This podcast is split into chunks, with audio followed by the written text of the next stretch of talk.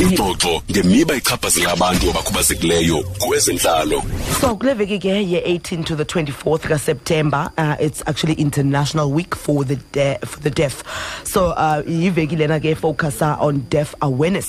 The challenges abantu ke abathi uh, abangevayo abathi bafacane nazo and you know in their everyday lives. And uh, that's why ke namhlanje siqonde ubana ke we speak to um akasincole to the National Institute for the Deaf to find out about uh you know uh, uh, awareness programs mhlambi ezikhoyo ezizawuthi ke zisupporte you know the the the deaf people you know? Eh, abanazo in fact. Uyayibona? Yonke loo nto leyo. So basically we have mr deki eberson uh, you know esizawuncokola naye. Like a interventionist and uh, cognitive mediator uh, phaa kwi-national institute for the deaf. So um yeah sawuncokola ke naye malunga nalo mcimbi sesithethe ngawo. Masicele siwamkele ke apha enkqubeni. Sekwamkele enkqubeni kuezentlalo ndiyavuya tata nkosi nam um ngumafako nguzikho intombi. Oh.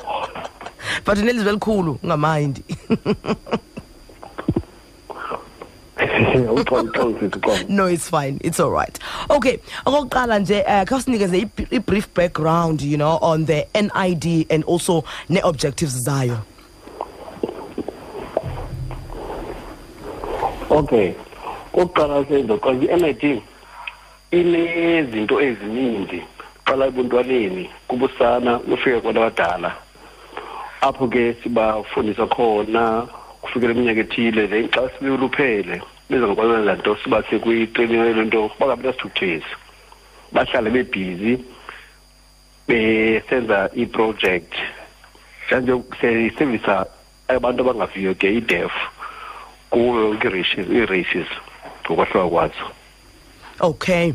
All right so amasive ke into yobana ke ingaba u-nid lona you know in the deaf market and i-purpose yakhe ithini kahle kahle?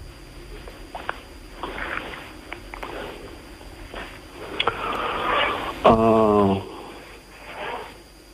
ipurpose ye-NID kukukhuthaza abantu abangaviyo i-deaf abantu abangaviyo uqala buntwaneni ukufikela ebudaleni bawo kuba sazela abanye- ngaphandle pha abanye abantu bonke bane- bayakwazi ukwenza yonke into. So sifuna kube yi-quality yonke into abantu bonke. Mm, okay.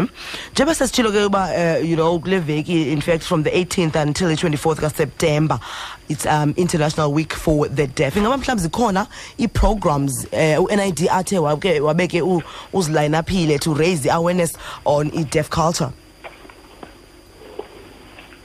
Ewe ewe zikhona sithi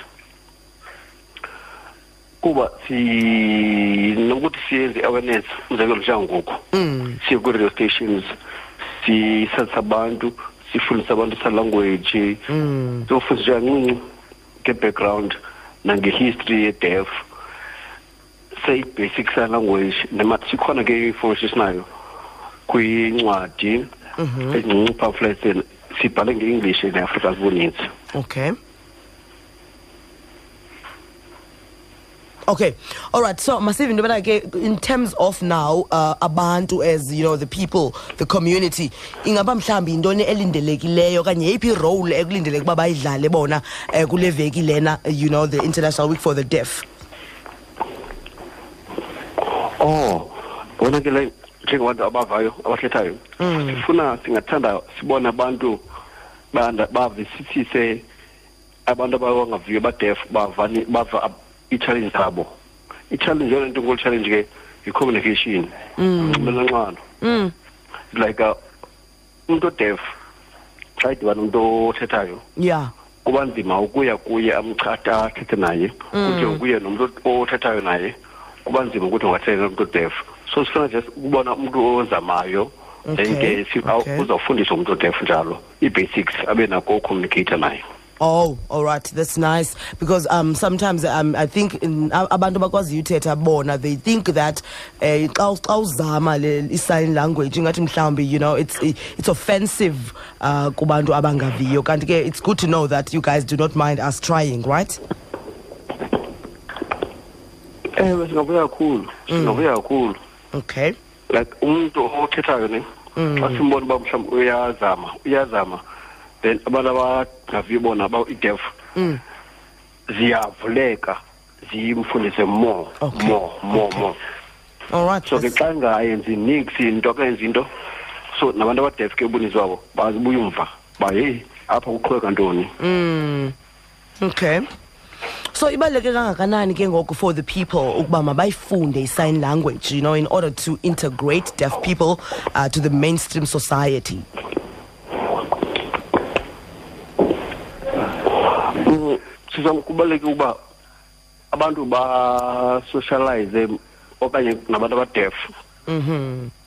noba kuphi abadibana naye dibana naye nje nokudibana kayiwakanye kayi-wa kanye evenkileni kwishomakethi Mhm. uzame nje ubulise okanye uthini akuda uqhele ubuso bakho aqhele nebehavior yakho isayining yakho akwazi ukhiva ukwazi uzokukwazi akhumbule uba okay lona kane netshomi yam ndandingadibana naye phiphi Mm.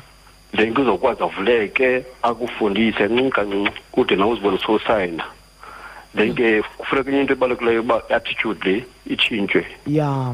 la kube nakho ukadapta Okay. Okay. All right. Thank you so much, guys. Uh, Mr. Deki as well. Dabulela kakhulu and also to the interpreter. Sibambe kasibini kuni guys. Many weekend emnandi. Thanks. siyabulela sibulela sisi oh bengicela ukongeza nje kumbalwa mhlawumbi Not a problem. Not a problem. uh sinayo newebsite yethu sinayo ne Okay. yona ithi nid org za Mhm. okanye ke kumntu ofu- eh, ofuna ukusapota angathi afola kuwhatsapp zero ku-zero eight two nine four Mhm. seven eight eight four six eqoleni Okay. leyo ke ungake kuwhatsapp wethu janje ube nesapoti okanye ukwazi ukwazi ukunika isapoti ngenye yokuba ngoba udibana njani phi abantu bakwazi ukufundisa ya ndabulela futhi ngokuthi nisimele It's a pleasure. It is a pleasure.